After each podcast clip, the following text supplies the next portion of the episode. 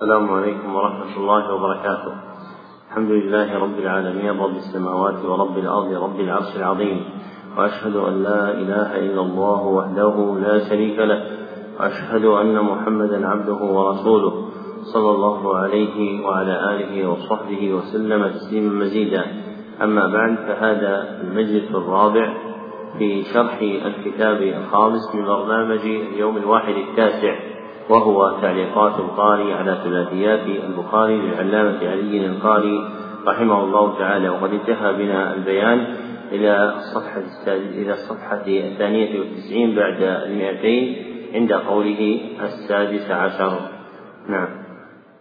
بسم الله الرحمن الرحيم. الحمد لله رب العالمين والصلاة والسلام على أشرف الأنبياء والمرسلين.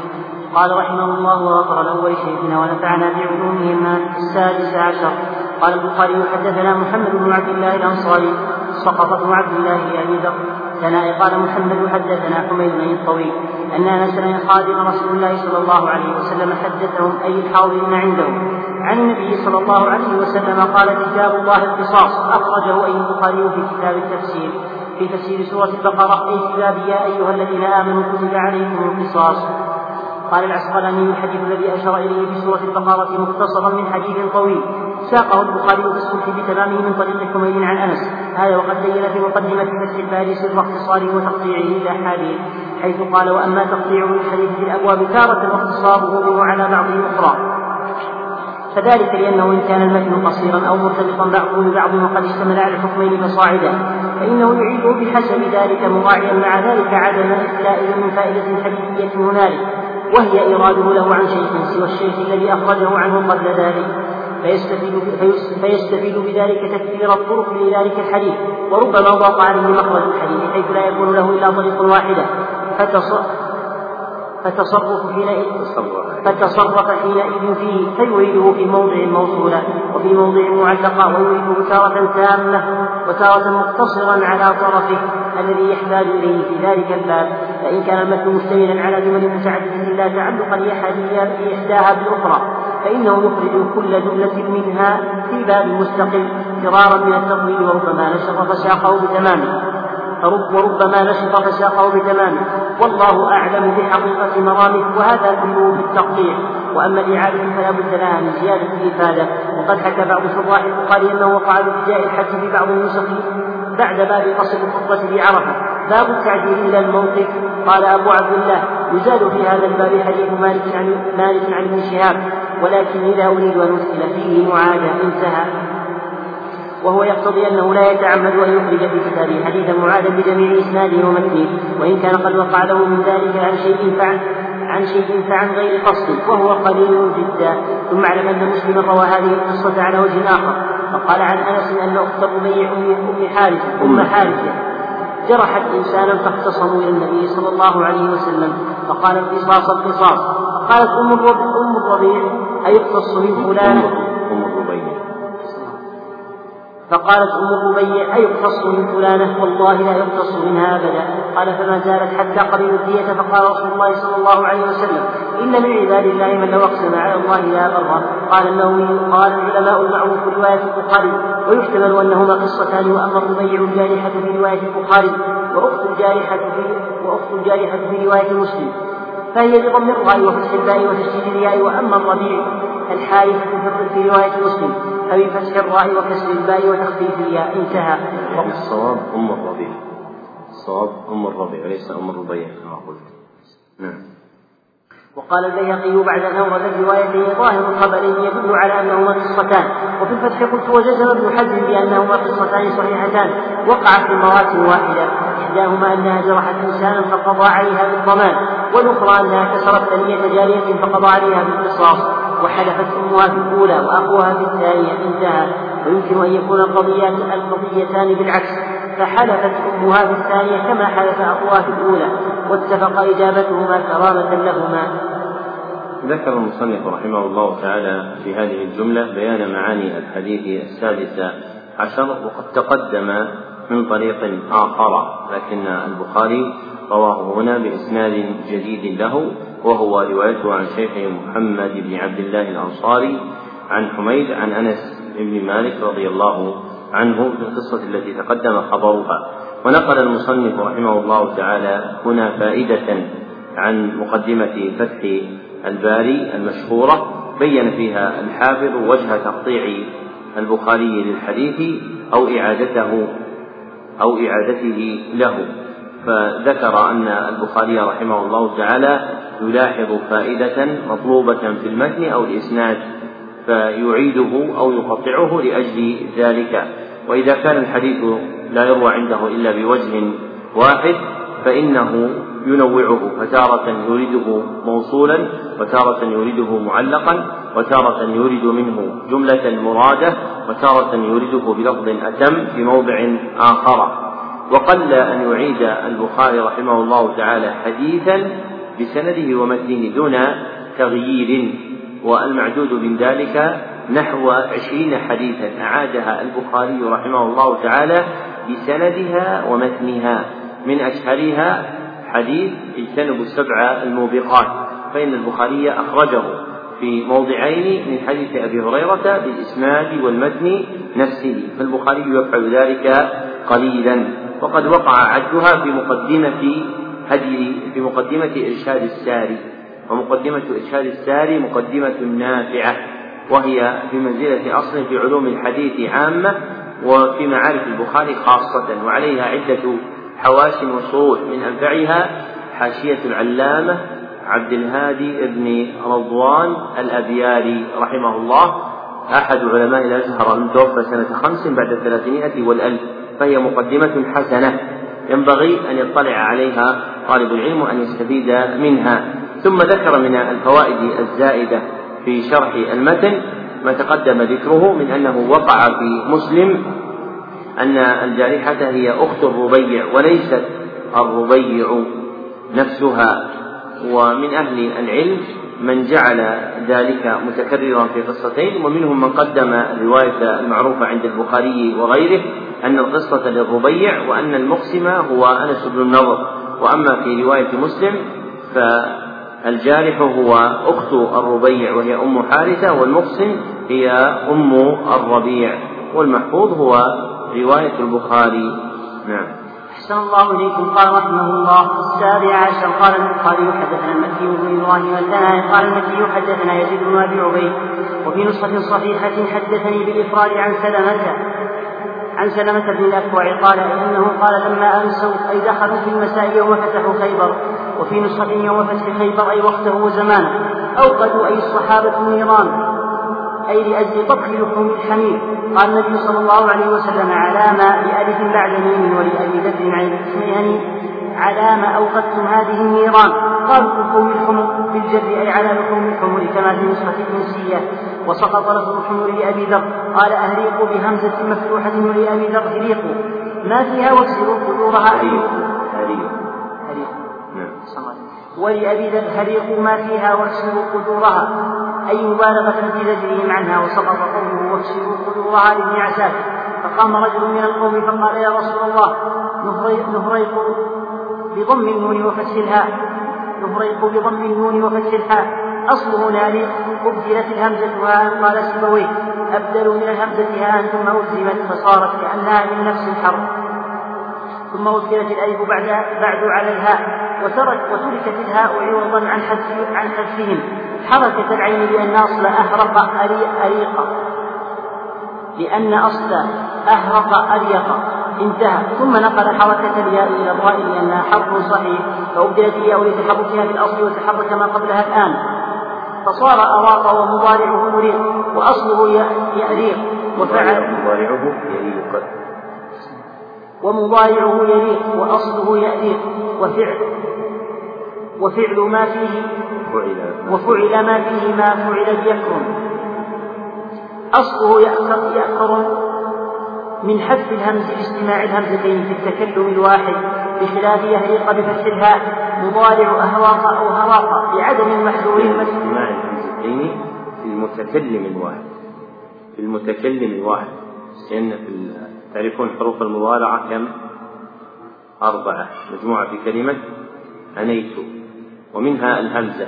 فإذا أراد الإنسان أن يخبر عن نفسه بالمضارعة جاء بحرف الهمزة. نعم. بخلاف يهريق بفتح الهاء يطالع أهراق وهراق لعدم المحذور المذكور وهو اجتماع. وهو اجتماع المثلين. المثلين. المثلين في كلمة في كلمة للاستفصال والله أعلم بالحال وهمزة الاستفهام مقدرة وفي بعض النسخ مصفرة مقررة. أي أنصب ما أي أنصب ما فيها. أنصب ما فيها. أحسن الله. أي أنا صب ما فيها وفي نسخة ماءها ونغسلها فقال النبي صلى الله عليه وسلم وسقط لغير أبي ذر وابن عساكر لفظ النبي صلى الله عليه وسلم أو ذاك بسكون الواو إشارة إلى تقدير الفعل بين الكسر والغسل. قال الخطابي فيه أن التقرير عند ظهور المنكر وغلبة أهله جائز ليكون ذلك حسبا لمادته وقطعا لدواعيه ولما رآه رسول الله صلى الله عليه وسلم. قد سلموا الحكم وقد الحق. وضع عنه الإصر الذي أراد أن يلزمه إياه عقوبة على فعله. انتهى. ثم الأمر بغسله. حكم بالتنجس بقتولها وفيستفاد منه تحريم أكلها. وهو دال على تحريمها لعينها لا لمعنى خارج لا بمعنى خارج عنها. فدل الحديث على تحريم الخمر الأهلية وهو مذهب الجمهور وأما من خالفهم فاستدل بأحاديث ذكرها في الفتح وأجاب عنها بالشرط حيث روى عن ابن عباس قال كان أهل الجاهلية يأكلون أشياء ويتركون أشياء تقدرا فبعث الله نبيه صلى الله عليه وسلم وأنزل كتابه وأحل حلاله وحرم وحرم حراما فما أحل فيه فهو حلال وما حرم فيه فهو حرام وما سكت عنه فهو عفو وتلا هذه الآية. قل لا أجد إلى آخره.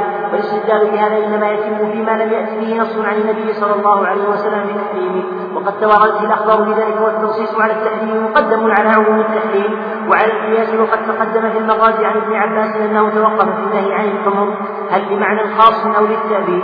به عن الشافعي عنه أنه قال لا أدري أنهى عنها أنهى عنه رسول الله صلى الله عليه وسلم من أجل أنه كان حمولة الناس فكره أن تذهب حمولتهم أو حرمها البتة يوم خيبر. وهذا التردد أصح من الخبر الذي جاء عنه بالجزم بالعلة المذكورة وذلك فيما أخرجه الطبراني وابن ماجه من طريق شقيق بن سلمة عن ابن عباس قال إنما حرم رسول الله صلى الله عليه وسلم الحمر الأهلية مخافة قلة الظهر وسنده ضعيف وتقدم في النماذج أيضا. في حديث ابن أبي أوفى فتحدثنا أنه أنه إنما نهى عنها لأنها لم تخمس وقال بعضهم إنما نهى عنها لأنها تأكل العجرة قلت وقد زالت هذه الاحتمالات من كونها لم تخمس أو كانت جلالة أو كانت تهبت بحديث أنس قبل هذا. حيث جاء فيه فإنها رجس وكذا الأمر بغسل الإناء في حديث سلمة. قال القرطبي قوله فإنها رجس. ظاهر في عود الضمير على الحور لأنها المتحدث عنها. المأمور بإكفائها للقدور وغسلها وهذا حكم متنجس فيستفاد منه تحريم أكلها وهو دال على تحريم لعينها. تحريم لعينها لا بمعنى الخارج وقال ابن دقيق العيد الأمر بإكفاء القدور ظاهر أنه سبب تحريم لحم الحمر وقد وردت علل أخرى إن صح رفع شيء منها وجب المصير إليه لكن لا مانع أن يعلل الحكم بأكثر من علة وحديث أبي ثعلبة صريح في التحريم. فلا معدل عنه وأما التعليم بخشية قلة الظهر فأجاب عنه الطحاوي من معارضة بالخير. فإنه في حديث جابر النهي عن الحمر والإذن والإذن في الخير مقرونا فلو كانت العلة بأجل الحمولة لكانت الخير أولى بالمنع لقلتها عندهم وعزتها وشدة حاجتهم إليها. فالجواب عن آية الأنعام أنها مكية وخبر التحريم متأخر جدا فهو مقدم وأيضا تنصت كنص الآية خبر عن الحكم الموجود عند نزولها فإنه حينئذ لم يكن نزل في تحريم المأكول إلا ما ذكر فيها وليس فيها ما يمنع أنه نزل بعد ذلك غير ما فيها وقد نزل بعد أهل الدين أحكام بتحريم أشياء غير ما ما ذكر فيها. كالخمر في آية المائدة وفيها أيضا تحريم ما أهل بغير الله به. والمنخنقة إلى آخره وكتحريم السباع والحشرات. قال النووي قال بتحريم الخمر الأهلية أكثر العلماء من الصحابة ومن بعدهم. ولم نجد في الصحابة في ذلك خلافا لهم إلا عن ابن عباس. وعند المالكية ثلاث روايات ثالثها الكراهة انتهى. ولعل أحدها الإباحة. والأخرى الحرمة كما هو مشهور مذهب المستدلين بقوله تعالى والخيل والخيل والبغال والحمير لتركبوها وزينة ثم قال وأما الحديث الذي أخرجه أبو داود عن غالب بن أبجر أصابتنا سنة أي مجاعة. فلم يكن في مالي ما أطعم أهلي إلا سنان الحمر. أتيت رسول الله صلى الله عليه وسلم فقلت إنك حرمت لحوم الحمر الأهلية وقد أصابتنا سنة قال أطعم أهلك من سبيل حمرك فإنما حرمتها من أجل جوال القرية كجوال فإنما حرمتها من أجل جوال القرية. مثل جوال نعم. صحيح دوال لا لا. مثلها في الوزن يعني. دوال جمع جالة دوال نعم. فإنما حرمتها من أجل جواز القرية. يعني الجلالة فإسناده ضعيف. والمتن شاذ مخالف للأحاديث الصحيحة فالاعتماد عليها. وأما الحديث الذي أخرجه الطبراني عن أم النضر المحاربية أن رجلا سأل رسول الله صلى الله عليه وسلم عن الحور الإلهية فقال أليس ترعى الكلأ وتأكل الشجر؟ قال نعم. قال فأصل من لحومها وأخرجه ابن أبي شيبة من طريق رجل من بني مرة قال سألت فذكر نحوه. في السندين مقال ثبت احتمل أن يكون قبل التحريم. قال الطحاوي لولا تواتر الحديث عن رسول الله صلى الله عليه وسلم في تحريم الحور الأهلية لكان النظر يقتضي حلها لأنه كلما حرم من الأهل أجمع على تحريمه لكن أجمع على تحريمه إن كان وحشيا كالخنزير وقد أجمع على حمل الحمار الوحشي فكان النظر. فإن قلت يلزم من هذا رد مذهب الحنفية أي يقال بتطهير لحوم السباع بالزكاة قلت ذكر بالخلاصة أنه المختار أنه المختار عدم طهارة لحوم السباع بالزكاة انتهى. فمن قال منهم بطهارته يخبر الأمر بغسل القدور على المبالغة في تحريم اللحوم فهو كالأمر بكسر القدور فإنه للمبالغة في الامر جاء عنه بالاتفاق. وفي الحديث فوائد منها أن كل شيء ينجس بملاقاة النجاسة يكفي غسله مرة واحدة. بإطلاق الأمر بالغسل فإنه يصدق الامتثال بالمرة. وأن لا زيادة عليها فإن قلت هذا أيضا يشكل هذا أيضا يشكل على الحنفية حيث قالوا بتدريج الغسل مع العصر. قلت إنما اشترطوا ذلك فيما يتوهم فيه عدم زوال أثر النجاسة وأما ما يتحقق فيه زوال أثره بمرة فلا يستنكر فيه التثليث ومنها أن الأصل في الأشياء الإباحة لكون الصحابة أقدموا على ذبحها وطبخها كسائر الحيوانات من قبل أن يستأمروا مع توفر دواعيهم على السؤال عما يشكل. ومنها أنه ينبغي لأمير العسكر تفقد أحوال رعيته ومن رآه فعل ما لا يسوغ ما لا يسوغ الشرع أشاع أشاع منعه إما بنفسه كأن يخاطبهم وإما بغيره وإما بأن يأمر مناديا فينادي لئلا يغتر به من رآه فيظنه جائزا. فإن قلت إذا ثبت تحريم لحومها فلم فلم مالت الحنفية بتشكيك سؤرها. قلت قد أوضح بيان ذلك الإمام ابن الهمام في شرح الهداية حيث قال وسبب الشك تعارض الأدلة بإباحته وحرمته. حديث خيبر في في إلقاء القدور وفي بعض رواتها أنه عليه السلام. أمر مناديا بإخفائها فإنه رزق رواه الطحاوي وغيره. يفيد الحرمة وحديث غالب بن أبجر حيث قال عليه السلام هل لك من مال؟ قال ليس لي إلا حميرات لي فقال كل من سمين مالك. يفيد الحل واختلاف الصحابة في طهارته ونجاسته فعن ابن عمر نجاسته وعن ابن عباس طهارته انتهى. وفيه أن حديث غالب بن أبجر ورد في في سند المجاعة كما سبق. فلا يفيد تحليله مطلقا وأن قول ابن عباس منع منع عن القول بتحليله وهو مذهب مردود فلا ينبغي أن يلتفت إليه وهو استدلال بمقابلة نص بنجاسة كما تقدم والله أعلم. ولذا قال والصواب أن سبب التردد في تحقق الضرورة المسبقة للنجاسة فإنه يقول فإنه يربط في الأبنية ويشرب من الإدانات المستعملة. فبالنظر إلى هذا القدر من المخالطة يسقط نجاسة سؤره يسقط نجاسة سؤره التي هي مقتضى حرمة لحمه الثابتة. وبالنظر إلى أنه لا يدخل المضايق كالهرة والفأرة يكون جانبا مخالطا لا يسقط. فلما وقع التردد في الضرورة وجب تقدير الأصول. فالماء كان طاهرا فلا يتنجس بما لم يتحقق نجاسته والسؤر بمقتضى حرمة اللحم نجس فلا يحكم بطهارته ولا يتنجس الماء لوقوعه انتهى. ولا يخفى أن هذا التحقيق بالنظر الدقيق يزيل الإشكال الآخر. وهو كون عرقه طاهرا لا نجسا كسؤره فتدبر. أخرجه أي البخاري في كتاب الذبائح والصيد أي في باب آنية المجوس. وقد سبق هذا الحديث مختصرا في التاسع من الثلاثيات ولعل سبب إعادته تغير بعض رواته واختلاف بعض كلماته فلا يدخل في باب محض مكرراته هذا وعن ابن إسحاق في حديث مسور ومروان قال انصرف رسول الله صلى الله عليه وسلم إلى الحديبية فنزلت عليه سورة الفتح فيما بين مكة والمدينة. فاعطاه الله فيها خيبر بقوله وعدكم الله مغانم كثيرة تاخذونها فعجل لكم هذه. يعني خيبر فقدم المدينة في ذي فأقام فيها حتى سار إليها في المحرم ذكر المصنف رحمه الله تعالى في هذه الجملة بيان معاني الحديث السابع عشر من الأحاديث الثلاثية في البخاري وهو حديث سلمة بن الأكوع أنه قال لما أمسوا يوم فتحوا خيبر أوقدوا النيران وقول الشارح في بيان معنى لما أمسوا أي دخلوا في المساء. لكنه لم يبين متى يقع الدخول في المساء. فمتى يقع؟ متى يقع الدخول في المساء؟ هذه مسألة كبيرة. أذكار المساء متى تقولونها؟ بعد طيب بعد غياب الشفق بعيدة بعد زوال الشمس. يعني بعد الظهر من الظهر نبي نقول لك طيب. طيب هالأقوال المختلفة هذه تحتاج إلى حجة. الواحد يحتاج إلى حجة في قوله.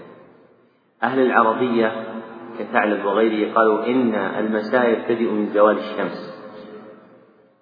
وهذا الوضع اللغوي لا يساعد عليه العرف الشرعي في خطاب الصحابة. فهذا الحديث تستطيعون تستخرجون منه متى المساء لما أمسوا أوقدوا أوقدوا النيران. لأن الإيقاد في العادة إنما يحتاج إليه مع الظلمة والعشاء إنما يكون مع ومجيء الظلمة هذا الأصل فيه. والتتبع لألفاظ الخطاب الواردة في كلام الصحابة يدل على أن المساء عندهم يبتدئ من غروب الشمس. هذا هو المساء لا باعتبار الوضع اللغوي. ولذلك لما غابت الشمس وتأخر النبي صلى الله عليه وسلم في الفطر قالوا له أمسيت؟ أمسيت يعني دخلت في المساء وتحقق غروب الشمس. فالصحيح أن المساء يكون من غروب الشمس وأن أذكار المساء تكون بعد غروب الشمس. وأما ما يكون من التسبيح والذكر المذكور في آيات عدة من القرآن الكريم في آخر النهار فالمقصود به في تفسير السلف صلاة العصر. فإن صلاة العصر هي الذكر الذي ينبغي تعظيمه في آخر النهار لكونها من الصلواتين الصلاتين المفضلتين الفجر والعصر. ثم ذكر أن هذا الحديث وهو حديث خبر الحمر مما تقدم طرف منه فيما سلف جرت فيه عدة مسائل منها الكلام في أصل نهرير وتقدم كلامهم رحمهم الله تعالى وذكرنا أن كلام صاحب النهاية وهو ابن الأثير من أحسنها سياقا وأتمها. ثم ذكر بعد ذلك نقلا عن الخطابي أن النبي صلى الله عليه وسلم أمرهم بالتفسير ثم عدل عن ذلك لما في ذلك من التغليظ عند ظهور المنكر وغلبة أهله ليكون ذلك حسما لمادته وقطعا لدواعيه. فلما رآهم رسول الله صلى الله عليه وسلم قد سلموا الحكم وقبلوا الحق وضع عنهم الإصر يعني الثقل الذي أمرهم به وهو أن يكسروا آنيتهم فعفى عنهم صلى الله عليه وسلم. وتقدم معنا هذا الكلام عن ابن الجوزي فيما سلف. ثم ذكر المصنف رحمه الله تعالى أن الأمر بغسل تلك القدور حكم بتنجسها فيستفاد منه تحريم أكلها وأنها محرمة لعينها. ثم ذكر رحمه الله تعالى الخلاف في تحريم الحمر الأهلية هل هي مما يحرم تحرم أو مما يكره. والصحيح أن أكل الحمر الأهلية محرم لصراحة الأحاديث في ذلك ومنها حديث أبي الثعلبة في الصحيحين ومنها هذا الحديث وهو حديث الباب. وما عدا ذلك من الأحاديث فإما أن يكون مما لا يصح في روايته أو مما لا يعقل ذلك المعنى منه في درايته. فالمختار مذهب الجمهور أن الحمر الأهلية محرمة وهو مذهب الأئمة الأربعة رحمهم الله تعالى. ثم ذكر المصنف رحمه الله تعالى أنه إذا قيل بنجاسة الحمر الأهلية فإنه يلزم من هذا رد مذهب الحنفية حيث قالوا بتطهير لحوم السباع بالذكاء. وتقدم أن الزكاة لا تحل إلا ما كان حلال الأكل. أما ما كان محرم الأكل فلا تحله. فذكر أن عند الحنفية أيضا أن المختار عدم طهارة لحوم السباع بالزكاة ثم أورد جملة أخرى من فوائد الحديث في الصفحة الثانية بعد الثلاثمائة فقال وفي الحديث فوائد منها أن كل شيء ينجس بملاقاة النجاسة يكفي فيه غسلة يكفي غسله مرة واحدة لإطلاق الأمر بالغسل. أي أن النبي صلى الله عليه وسلم أمرهم بالغسل ولم يقدر لهم عددا. فيكون المطلوب هو إزالة تلك النجاسة. فإذا زالت بغسلة واحدة أجزأت وهو الصحيح إلا فيما جاء تقييده وهو موضع واحد وهو وهو سؤر سور الكلب أن يغسل سبع مرات إحداهن بالتراب. وما عدا ذلك فالأصل فيه طلب زوال النجاسة فإذا زالت في واحدة أجزأ. ومن فوائده أن الأصل في الأشياء الإباحة لكون الصحابة أقدموا على الذبح والطبخ من قبل أن يستأمروا مع توفر دواعيها دواعيهم على السؤال عما يشكل. ولو قال المصنف أن الأصل في اللحوم الإباحة لكان أقوى من إطلاقه وقوله الأصل في الأشياء الإباحة لأنهم قصدوا اللحم. وتقدم الكلام على المسألتين الأصل في الأشياء الإباحة والأصل في اللحوم في شرح منظومة ابن سعد في القواعد الفقهية. ومنها أنه ينبغي لأمير العسكر تفقد أحوال رعيته إلى آخر ما ذكر. ثم ذكر إيرادا على الحنفية فقال إذا ثبت تحريم لحومها يعني لحوم الحمر الأهلية فلما مالت الحنفية بتشكيك سورها؟ إيش معنى بتشكيك سورها؟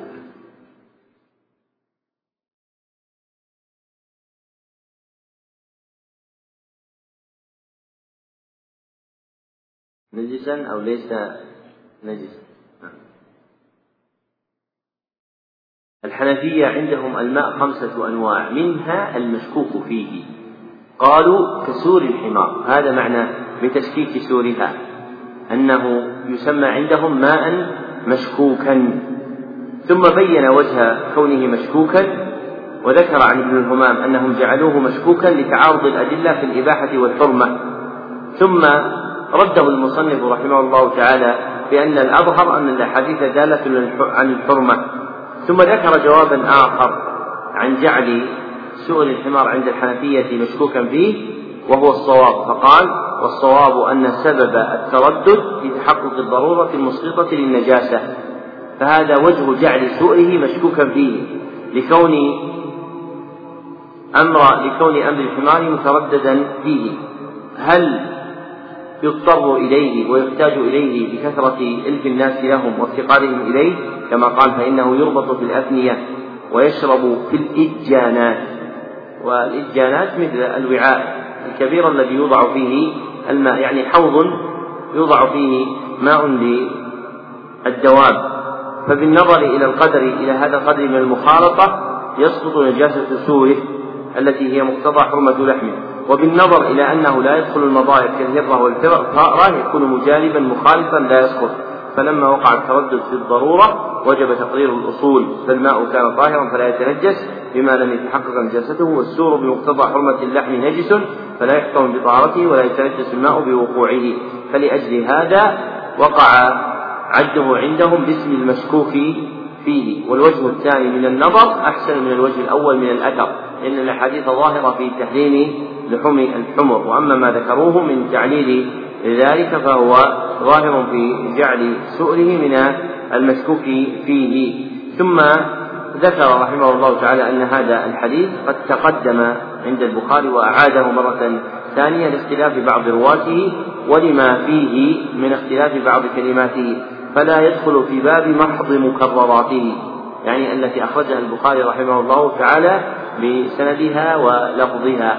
وعسى أن يرجع أحدكم إلى البخاري فيستخرج هذه المكررات بسندها ومتنها لأنها مسألة يكتب ذكرها عند الأولين ولم يحررها أحد بعد سوى أن القسطلاني وقف على ورقة فيها عد عشرين حديثا مما كرره البخاري بسنده ولفظه ثم أوردها كما هي مختصرة فإذا استخرج الإنسان هذه الأحاديث العشرين ثم أكملها بتتبع البخاري فإنه يقف على بحث نافع.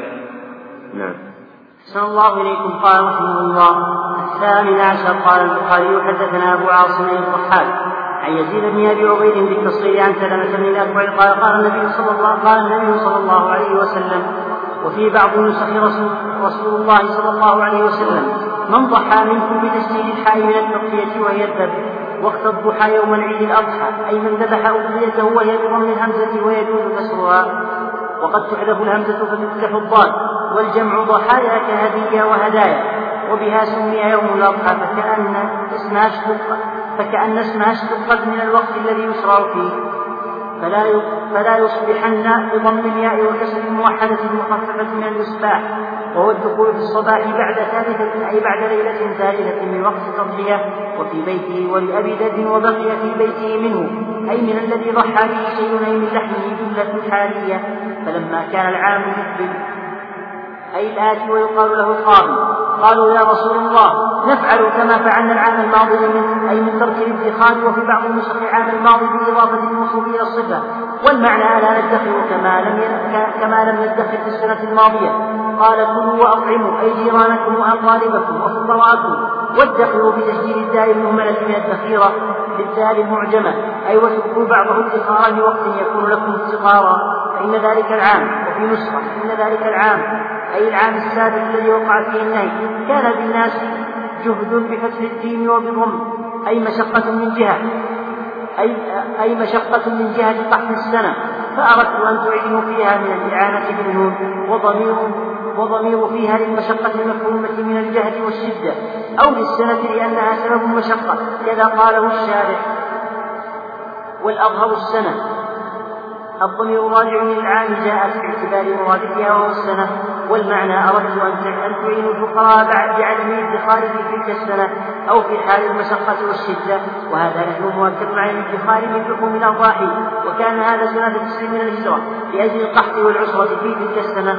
كما صرح بها في الحديث ووقع منه في الادخار عام عشرة من الهجرة في حجة الوداع كما جاء مفصلا في رواية أحمد.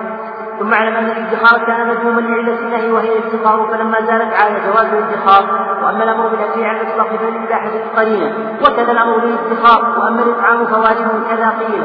والسنة أن يأكل بعضها ويعطي ويعطي الفقراء بعضها ويهدي بعضها إلى من شاء.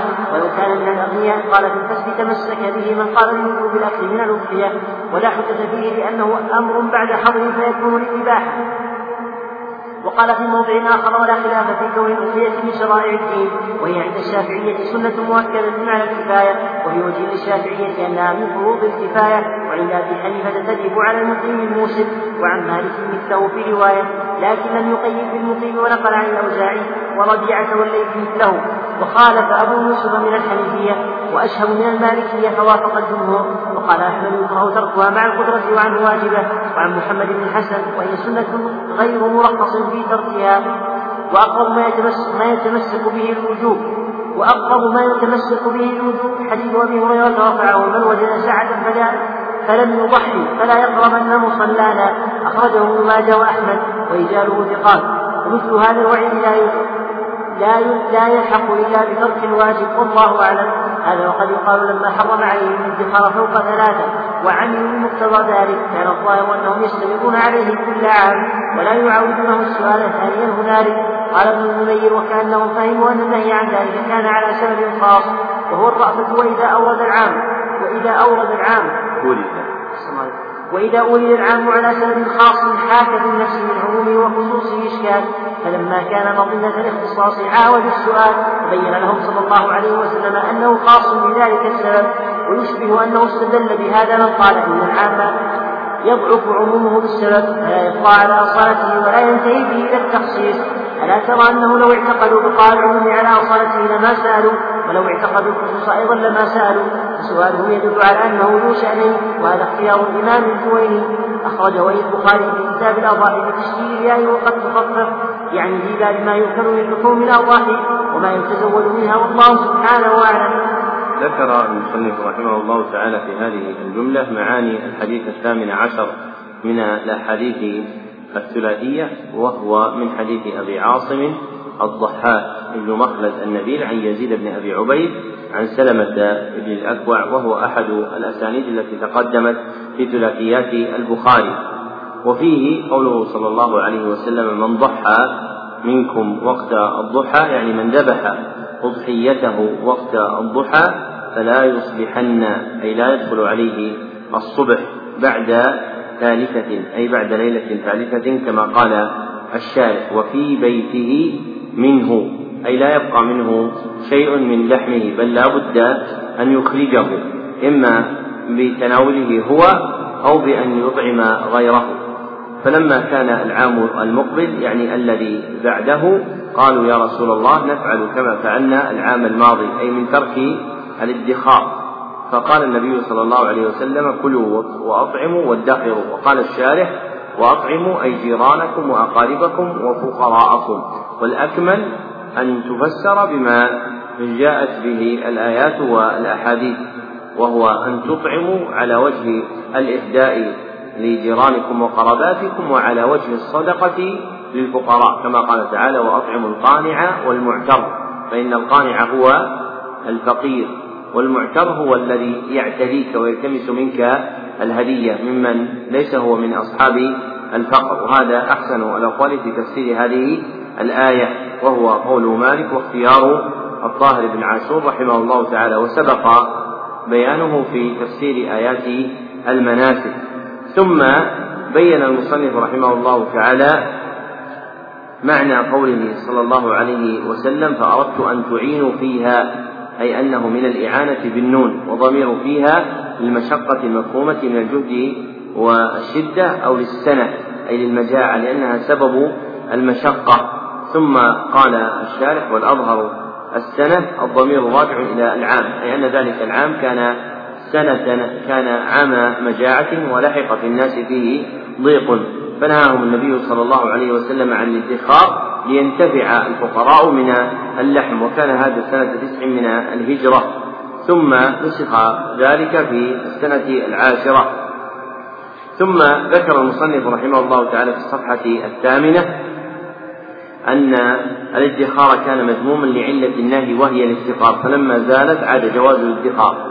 فادخار اللحم جائز ولو فوق حاجة الإنسان فذلك من الأمور المباحة. وأما الأمر بالأكل على الإطلاق فللإباحة للقرينة لأنه من الأفعال الجبلية فالإنسان يأكل بطبعه. ثم قال وكذا الأمر بالادخار هو للإباحة لاحتياج الإنسان إليه في حفظ طعامه. ثم ذكر أن الإطعام المأمور به في قوله صلى الله عليه وسلم وأطعموا فواجب كذا قيل. والصواب أنه سنة فيسن الإطعام والسنة في الإطعام أن يطعم منها صدقة وأن يطعم منها هدية كما أنه يأكل منها. وهذا وجه تثليث الحنابلة للأضحية أنه يأكل ثلثا ويتصدق بثلث ويهدي ثلثا وهو الذي تنصره دلائل القرآن والآثار. ثم ذكر الخلاف في الأضحية هل هي سنة مؤكدة أو من فروض الكفاية أو أنها واجبة؟ والصحيح من أقوال أهل العلم أن الأضحية سنة تتأكد في حق من كان ذا سعة فمن كان يجد رزقا وسعة فإنه يستحب له استحبابا شديدا أن يضحي. وليس في الأدلة ما يدل على الإيجاب. وأمثل ما يدل على الأضحية هو الأحاديث الفعلية منه صلى الله عليه وسلم ومن لطائف القواعد الحديثية الاستقرائية أنه لا يثبت حديث في فضل الأضحية فلا يثبت فيها إلا فعل النبي صلى الله عليه وسلم. وأما الأحاديث القولية في فضل الأضحية فهي أحاديث ضعيفة وهذا نظير الأحاديث المروية في فضل الاعتكاف. فمع شرف الاعتكاف وثبوته فعلا عن النبي صلى الله عليه وسلم إلا أن الأحاديث الواردة في ذلك لا تثبت عن النبي صلى الله عليه وسلم. ثم بين وجه ورود السؤال منهم رضي الله عنهم مع أن النبي صلى الله عليه وسلم حرم عليهم الادخار في السنة الماضية فكان الجاري على قواعدهم أن يسلموا لأمر النبي صلى الله عليه وسلم ويبقى الأمر على التحريم. لكن الصحابة استنبطوا هذا كما ذكر ابن المنير من تعلقه بسبب خاص. فلما كان النهي متعلقا بسبب خاص وهو الضيق الذي لحق الناس في تلك السنة أعادوا السؤال على النبي صلى الله عليه وسلم. ثم ذكر هذا أن من مآخذ من قال أن العموم ربما يضعف إذا ورد على سبب خاص إنه قد يتعلق به دون غيره فيكون فيه ضعف عن العموم الذي لم يدخله استثناء ولا غير ذلك من دواعي التخصيص. نعم. صلى الله إليكم قال رحمه الله التاسع عشر قال البخاري حدثنا واضح الكلام. نحن لا نقول يا أخوان لا فضل للاعتكاف ولا فضل للاضحيه نقول إيش؟ نقول ما صحت أحاديث قولية في في الفضل. وأما فعل النبي صلى الله عليه وسلم فيكفي في ذلك فضلا. نعم. صلى الله عليكم قال رحمه الله التاسع عشر قال البخاري حدثنا المكي بن إبراهيم مثلا وفي نسخة طالب العلم ينبغي أن يتعود على الدقة. الدين محكم ومن إحكامه حسن سياق الأدلة الآيات والأحاديث. إذا تأملت في ألفاظها فجرت المعاني منها وفهمت الشرع.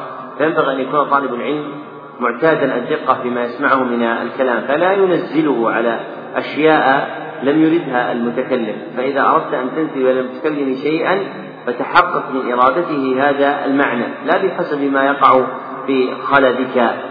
ولما كان الناس لم يروضوا عقولهم إلا نفرا قليلا منهم فإن الفوضى في إدراك المعاني شائعة عندهم. فتجدهم يسمعون كلاما ويقولون قولا آخر لم يرده المتكلم. وأنا حريص على أن لا أتكلم إلا بدقة. فالذي يريد أن ينقل عني شيئا فليتعاهد أن لا يفهم إلا بدقة لأن العلم له حدود ومنازل ودرجات ورتب فإذا لم تنزل في منازلها ضاع العلم ولم يضبط. وللعناية بذلك يرتاض الإنسان على التحقيق في العلم وعدم إمرار شيء يتتابع عليه الناس بمجرد أنهم أن هذا القول اشتهر بينهم. بل يحقق المسألة ويعرف حدودها حتى ينزلها منزلتها في الفهم ويعي القواعد التي تبنى عليها. وهذا من مآخذ العلم النافعة لمن رزقه الله عز وجل إياه. وما شرف علم جماعة كأبي العباس بن تيمية وابن القيم والشاطبي إلا لعنايتهم بهذا المأخذ في الفهم في حسن إدراك مآخذ الكلام ومراتبها وإنزال الأمور منازلها. فيعرفون مورد اللفظة ومأخذها فيقع الفهم منهم فهما صحيحا. وأما من يأخذ الكلام جملة فإن فهمه يكون جملة فلا يعي المدرك الشرعي المدرك الشرعي الذي علقت به المسألة سواء في باب الخبر أو في باب الطلب. نعم. أحسن الله إليكم. قال رحمه الله التاسع عشر.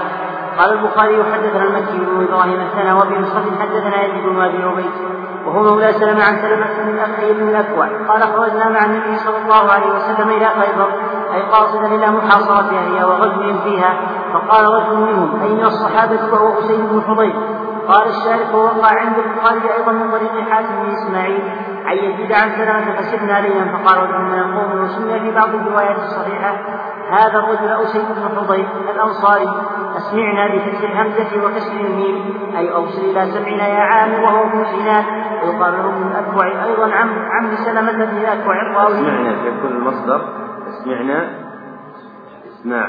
كل مصدر اسماعا فالذي يريد أن يعرف شيئا على أحد ما يقول تسميع يقول إسماع أو عرض. والعرض هو المشهور في كلام الأولين. أما التسميع فلا يصح بهذا المعنى في هذا الموضع. لغة والأولى اجتنابه شرعا لحديث جندب في الصحيحين ومن سمع سمع الله به. فالتسميع شقيق الرياء. نعم. صلى الله عليكم. هنيهاتك بضم الهاء وفتح النون وسكون التحتية بعدها هاء فارف ففوقية فكاف أي أراجيزك. وابن عساكر ولأبي ذر عن الكشميهان من هنياتك بتحتية مشددة بدل الهاء الثانية. تصير هناك. واحدة هنا. تصير هناك. تصغير هناتك واحدة هنا وتقلب الياء هاء كما في الرواية الأولى. وفي نسخة هنا وفي نسخة هنات هناتك من غير التصغير. وهن كناية عن الشيء أصله هن والمؤنثة هن وتصغير هنية وهنيها.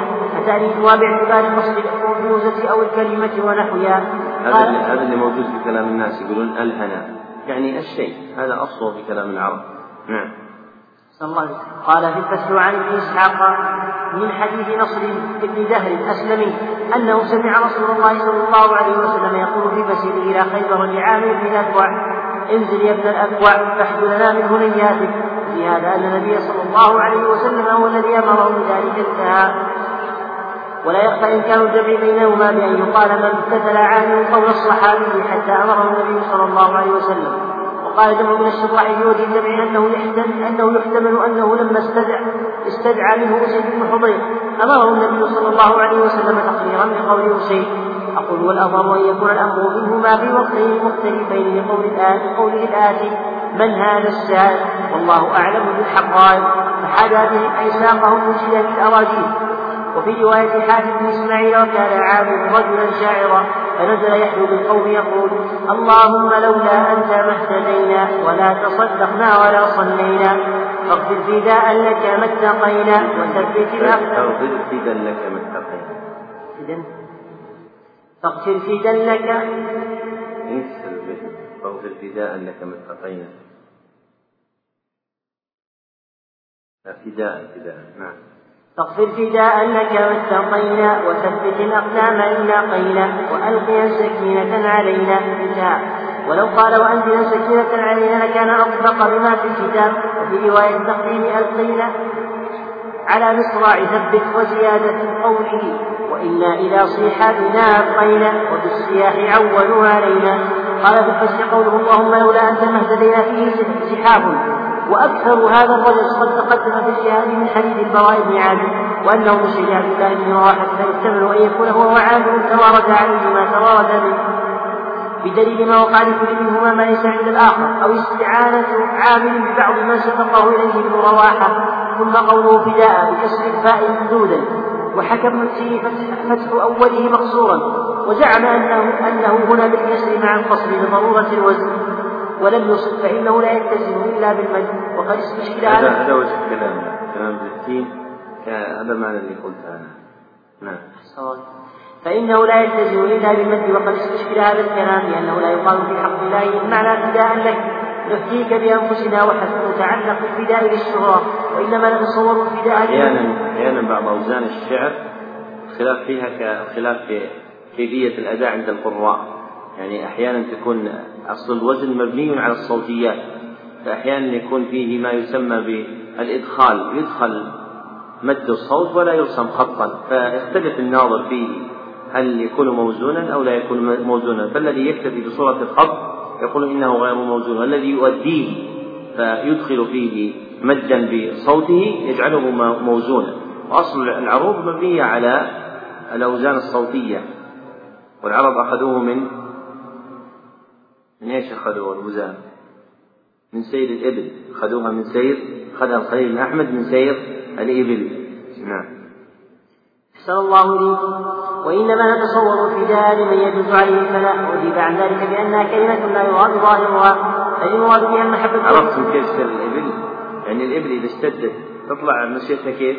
لها لها صوت لها وزن. هي كانت أكثر يعني أملاكهم وأموالهم. نعم. فالمراد بها المحبة والتعظيم وقط النظر عن ظاهر انتهى. فيه أن المراد لا يدفع وفيه أن المراد لا يدفع الإيراد. مثل هذا التأويل لا يقول في كلام في كلام ظاهر الفساد لأنه صلى الله عليه وسلم لما سمعه وما أنكره لا لا بد له من وجه يصححه.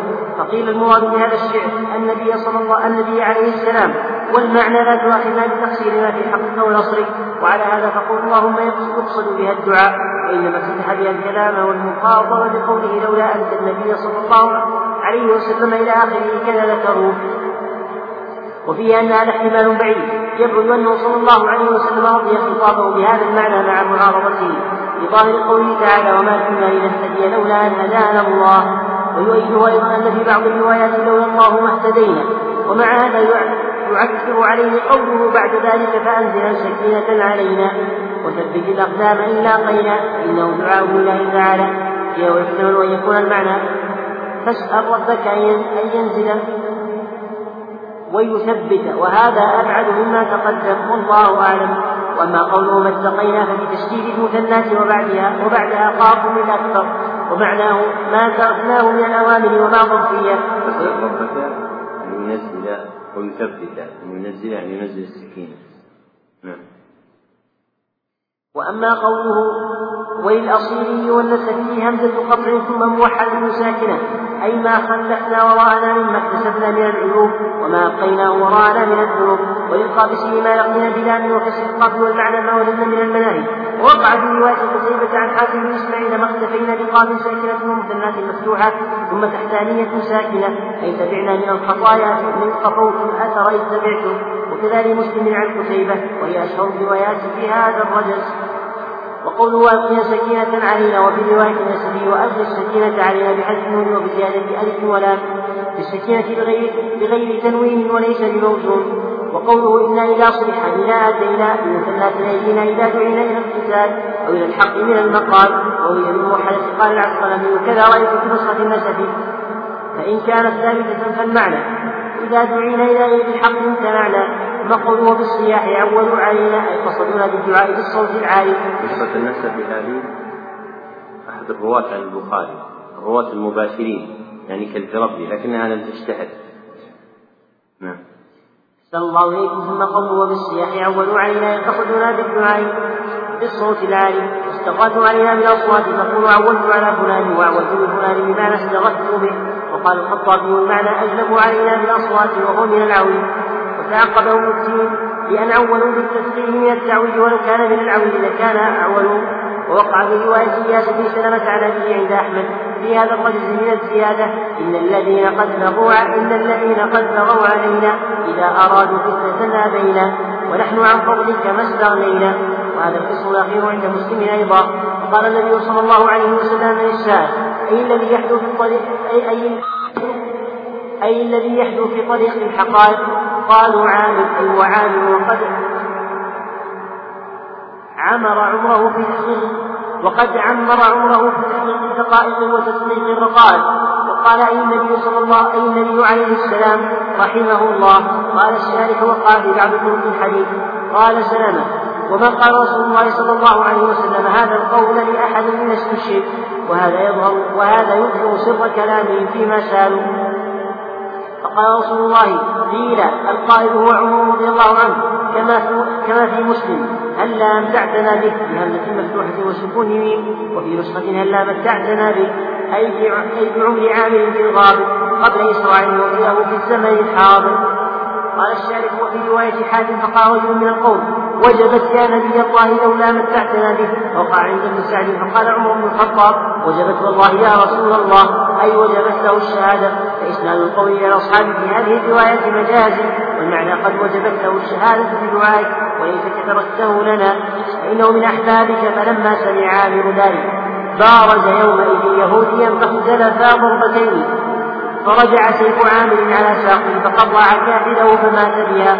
وهذا معنى قوله فأصيب أي عامر صبيحة ليلته أي تلك وذلك لما في رواية حاتم فلما تصاف القوم كان سيف عامر قصيرا فلما تناول به اليهودي ليضربه فرجع ذبابة فرجع ذبابه فأصاب بركبته فمات به.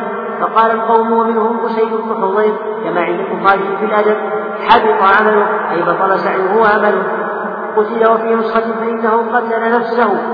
قتل وفي نسخة فإنه قتل نفسه فلما رجعت إلى المدينة وقائله سلم فجئت النبي صلى الله عليه وسلم أي بعد أن قدم المدينة وقع عند ابن سعد فجئت وهو في المسجد فقلت يا نبي الله ولأبي ذر يا رسول الله.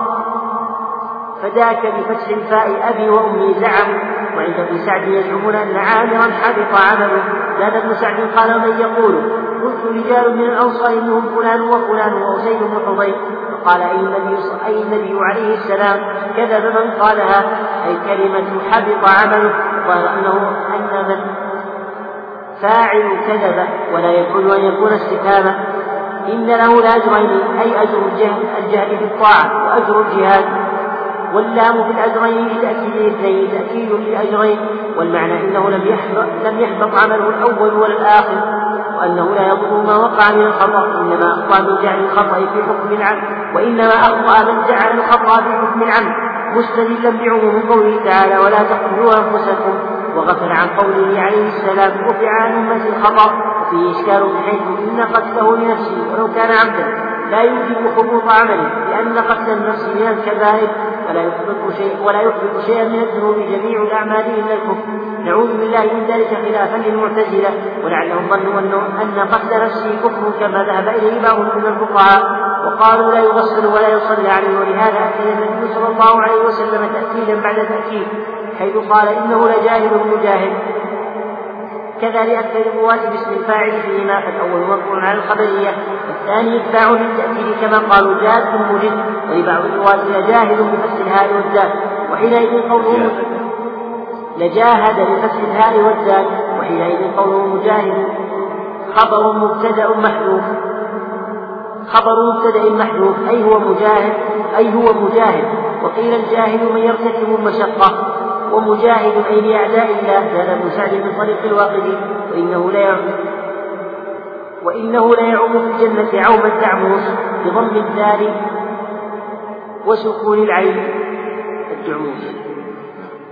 عوم الدعموس بضم بضم الدال وسكون العين ذويبة تكون في مستنقع الماء تغوص فيه كثيرا والعوم السباحة بالماء والمعنى أن عامرا يسير في الجنة ويسرح فيها حيث يشاء كما تسبح هذه الدويبة في الماء الدويبة في الماء ولا تخرج منه إلا نادرا. هذا وقال أنه يوفي بعض المسلم إن له لأجران ووجه أن المثنى إعرابه تقديري عند بعض كعصا. ومنه قوله تعالى إن هذان لساحران في شرح المشارع وأي قسم بفتح القاف وسكون الفوقية يزيده عليه أن يزيد الأجر على هذا ولأبي ذر عن كشميهن وأي قتيل بكسر الفوقية وزيادة تحتية ساكنة يزيد عليه بإسقاط الضمير من يزيد من يزيده وللأصيل. وأي قتيل يزيده أخرجه أي البخاري في كتاب القياس أي في باب إذا قتل نفسه خطأ. قال العسقلاني وهذا الحديث حجة للجمهور أن من قتل نفسه لا يجب عليه شيء إذ لم ينقل عنه إذ لم ينقل أنه عليه السلام أوجب في هذه القصة شيئا. وقال القسطلاني وقال القسطلاني وهذا الحديث هو التاسع عشر من ثلاثيات الإمام البخاري. هو الحديث التاسع عشر. هذه عشر وأخواتها دائما مبنية على فتح الجزئين الحادي عشر الثاني عشر إلى التاسع عشر. نعم. التاسع عشر هو التاسع عشر من ثلاثيات الإمام البخاري وسبق في المغازي والأدب والمظالم والذبائح والدعوات وأخرجه مسلم وابن ماجه. ذكر المصنف رحمه الله تعالى في هذه الجملة المعاني المتعلقة بالحديث التاسع عشر من أحاديث البخاري الثلاثية وهو حديث سلمة للأكوع قال خرجنا مع النبي صلى الله عليه وسلم إلى خيبر فقال رجل منهم قال الشارح أي من الصحابة وهو أسيد بن حضير. واستدل على كونه أسيد بن حضير بأنه سمي في بعض الروايات الصحيحة كذلك ونقله عن حميد السندي. وهذا يخالف ما ذكره الحافظ في فتح الباري عند هذا الموضع لم أقف على اسمه صريحا. فيبعد وجوده في روايات فضلا عن أن تكون صحيحة ثم يقول الحافظ كذلك مع أن الحافظ في باب المبهمات من هدي الساري جزم بأنه أسيد بن حضير. فالحافظ له كلام في المبهمات متفرغ في فتح الباري وله كلام مجموع في أول المقدمة. ففي الكلام الذي في المقدمة ذكر أن هذا الرجل هو أسيد بن حضير كالذي ذكره الملا علي القاري وحميد السندي. وفي الموضع الثاني ذكر أنه لم يقف على اسمه صريحا وهو الصواب. فإني تتبعت طرق هذا الحديث فلم أجد في شيء منها لا في صحيحها ولا ضعيفها. التصريح بأنه أسيد بن حضير وكأنه انتقال ذهن من المتكلم بما تكلم به في آخر الحديث من حبوط عمل عامر وبين من سأله أن يرتجز بهم. فالمحفوظ في هذا المقام الأول أن هذا الراوي لا يعرف. ولم تقع تسميته في شيء من الطرق. ثم بين المصنف رحمه الله تعالى أن هنيهاتك جاء على هذا الوجه وجاء أيضا هنياتك وجاء أيضا هناتك وكلها صحيحة لغة. وأشهرها في الرواية الأول هنيهاتك. ثم ذكر أن المراد هو الأرجوزة التي يرتجز بها أو الكلمة التي يتكلم بها من الشعر. ثم نقل رواية عند ابن إسحاق وغيره من احتمال أن يكون الذي أمر عامرا بالالتجاج هو النبي صلى الله عليه وسلم ولم يثبت ذلك من وجه صحيح. فلا حاجة إلى الجمع الذي ذكره بعد ذلك المصنف رحمه الله تعالى. والثابت عند البخاري وغيره أن الذي سأله ذلك رجل من الصحابة ولم يقع تعيينه. ثم ذكر أن معنى حدا بهم أي ساقهم منشدا للأراجيز. والحداء عند العرب هو ما يلتجزونه من الشعر في حال التعب كالسفر أو مشقة عمل ما يلتجزونه من الشعر عند حال تعب كسفر أو غيره فارتجاجهم به على لحونهم المعروفة يسمى حداء ولحونهم المعروفة هي تحسين الصوت دون تمطيط ولا تنغيم. هذا هو المعروف عند العرب. ومن أراد أن يقف على بقيته فإنه ينظر إلى أحوال أهل الإبل ممن يسوقون إبلهم بالحدى في أطراف جزيرة العرب في مواضع منها. فلا يزال هذا معروفا بينهم. فالحدى لون من ألوان الرجز بالشعر. عند العرب يستعملونه في حال التعب تنشيطا للنفس. سواء كان في السفر أو في حال الإقامة كما اتفق من أصحاب النبي صلى الله عليه وسلم ومنه هو أيضا عند بناء المسجد النبوي. ثم ذكر رحمه الله تعالى اختلاف الروايات في ما ذكر من رجز عامل بن الأكوع وكان مما أورده من المعاني المتعلقة بتلك الروايات الإشكال على قوله فدا لك فإنه كيف يتصور أن يصدر من الصحابة أن يجعل نفسه تفدية لله سبحانه وتعالى والمراد بالتفدية هو حفظ من جعل فداء له. فمن قال لأحد أنا فداء لك يعني أنا أحفظك ولو ذهبت نفسي في سبيلك. والله سبحانه وتعالى مستغن عن ذلك وأجيب عن ذلك بأنها كلمة لا يراد ظاهرها بل المراد المحبة والتعظيم. وتعقبه المصنف بقوله في الصفحة الرابعة عشر وفيه أن المراد لا يدفع الإيراد وهذا من محاسن كلامه. قال وفيه أن المراد يعني القصد والنية لا يدفع الإيراد فهو لا يحاكم إرادته وقصده وإنما يحاكم لفظه.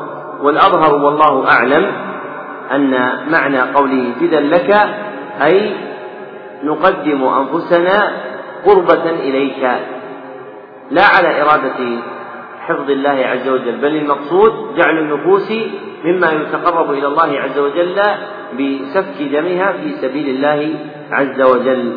هذا هو الذي يظهر من ذلك. ثم ذكر المصنف رحمه الله تعالى اختلاف هذه الأبيات برواياتها ثم ذكر رحمه الله تعالى أن النبي صلى الله عليه وسلم لما قال من السائق قالوا عامر أي هو عامر ابن الأكوع. وقوله وقد عمر عمره في تحقيق الدقائق وتدقيق الرقائق هذا من تكلفات العجم. فإنهم لهم ولع بالسجع فسجعه على هذا المعنى. وهو رجل كان مشركا ثم أسلم فتاب الله عز وجل عليه.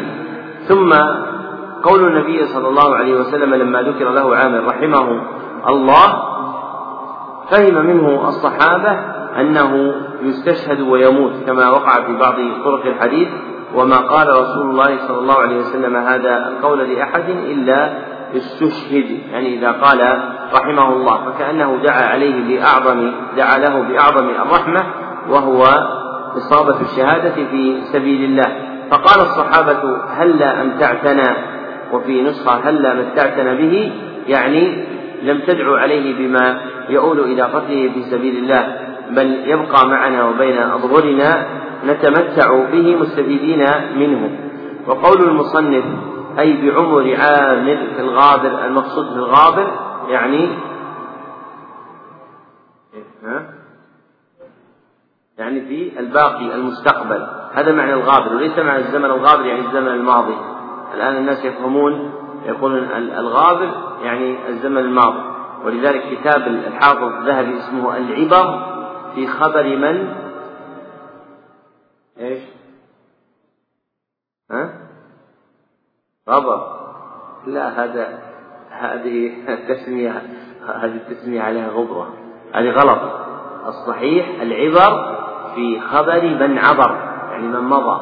أما غبر يعني في خبر من يستقبل. وكتاب الذهبي ليس كذلك. والكتب وقع في أسمائها تصحيفات لأنه تسلط عليها في بعض نشراتها من ليس من أهل العلم ولذلك ربما اشتهر اسم الكتاب على خلاف مقصود مصنفه. كما يقولون عدة الصابرين وذخيرة الشاكرين والصحيح عيدة الصابرين. عيدة الصابرين من الوعد لأنها هي التي تقابل الذخيرة. ومرة قال لي الشيخ بكر كتاب ابن الأثير أسد الغابة أم أسد الغابة؟ والآن يقولون إيش؟ أسد أسد الغابة. ثم سكت الشيخ ثم بعد ذلك بحثت المسألة ووجدت أنه ليس صوابا أسد الغابة لأن الغابة لا يكون فيها إلا أسد واحد. لا تجتمع الأسود في غابة واحدة بل كل واحد منهم يتخذ موضعا من الأرض غابة فيكون فيها أسد واحد. فهو قصد أن كتابه في معرفة الصحابة بمنزلة الأسد الواحد وهو الذي تملك موضعا دون شريك معه. ثم أورد المصنف رحمه الله تعالى كلاما بعد إصابة عامر في تفسيره فقال القوم حبط عمله. فقال ومنهم أسيد بن حضير كما عند البخاري في الأدب يعني في الأدب المفرد. لكنه أحال هنا قال في الحاشية ستة آلاف ومئة وثمانية وأربعين. وهذه لا تكون في الأدب لا تكون في الأدب المفرد. لأن حديث الأدب لا تبلغ ستة آلاف. لعله يعني في كتاب الأدب منه. والذي أحفظه الآن أنه في صحيح مسلم. وهي الرواية المذكورة عند ابن سعد. بعد ذلك قال من يقوله قلت رجال من الأنصار منهم فلان وفلان وأسيد بن حضير. هذه في صحيح مسلم. فعزوها إلى مسلم أولى من عزوها إلى ابن سعد. فتسمية أسيد من أنه من هؤلاء المتكلمين بحبوط عمل عامر ثابتة في صحيح مسلم. وإن ثبت أن قوله كما عند البخاري في الأدب يعني في كتاب الأدب منه فيكون ذلك ثابتا أيضا عند البخاري. ثم بعد بين بعد ذلك معنى قوله إن له لأجرين أي أجر الجهد في طاعة في طاعة وأجر الجهاد. وأكد هذا باللام فإن كان يكفي أن يقول إن له أجرين وقوله لأجرين لتأكيد إصابته الأجر. ثم ذكر بعد ذلك ما ورد من الإشكال على حبوط ثم ذكر بعد ذلك ما ورد من بيان وجه مكافأته بالأجرين وهو كونه إن كما قال النبي صلى الله عليه وسلم إنه لجاهد مجاهد يعني مبالغ في إظهار الطاعة ومجاهد في سبيل الله سبحانه وتعالى فهو مجهد نفسه فيها. ثم أورد بعد ذلك زيادة ابن سعد من طريق الواقدي. والواقدي حكمه متروك أحد المتروكين. فهذه الزيادة ضعيفة وإنه ليعم في الجنة عوم الدعموس. والدعموس هي الدويبة الصغيرة. التي تكون بين الخضار والسواد وتكون في الغدران أكثر من غيرها فهي ليست بضفدع ولعلها إحدى مراحله العمرية. ثم بعد ذلك أورد رواية أبي ذر عند الكشميهني وأي قتيل وفي رواية وأي قتيل وفي الأخرى وأي وأي قتيل يزيد عليه. وفي رواية يزيد بدون الضمير يعني أنه بلغ مرتبة عالية. ومن ذكر من الصحابة حبوط عمله فإنهم توهموا أنه قتل نفسه رضي الله عنه لما أصابه سيفه في المبارزة بينه وبين اليهودي فجعلوه بمنزلة من قتل نفسه. فأبطل النبي صلى الله عليه وسلم مقالهم وقال كذب من قال ذلك ومعنى كذب يعني أخطأ. فإن أهل الحجاز يطلقون هذه الكلمة بمعنى أخطأ وحملها على هذا المعنى أولى فيما يتعلق بمقام الصحابة رضي الله عنهم وما يجري بينهم وبين النبي صلى الله عليه وسلم فمعنى قوله كذب يعني أخطأ من زعم ذلك لأنه معذور بعدم قتله فهو مما فعله خطأ. ورفع المؤاخذة بالخطأ متقرر بدلائل كثيرة. وأما الحديث المشهور وهو حديث رفع عن أمتي وفي لفظ إن الله وضع عن أمتي وفي لفظ آخر إن الله تجاوز عن أمتي فأسانيده ضعيفة بل أنكره الإمام أحمد رحمه الله تعالى. نعم. صلى الله عليكم قال رحمه الله العشرون قال البخاري وحدثنا الأنصاري ومحمد بن عبد الله بن البصري ثناء قال حدثنا حميد بن الطويل عن أنس أن ابنة النضر استقمت جارية فكسرت ثنيتها فأتوا أي أهلها.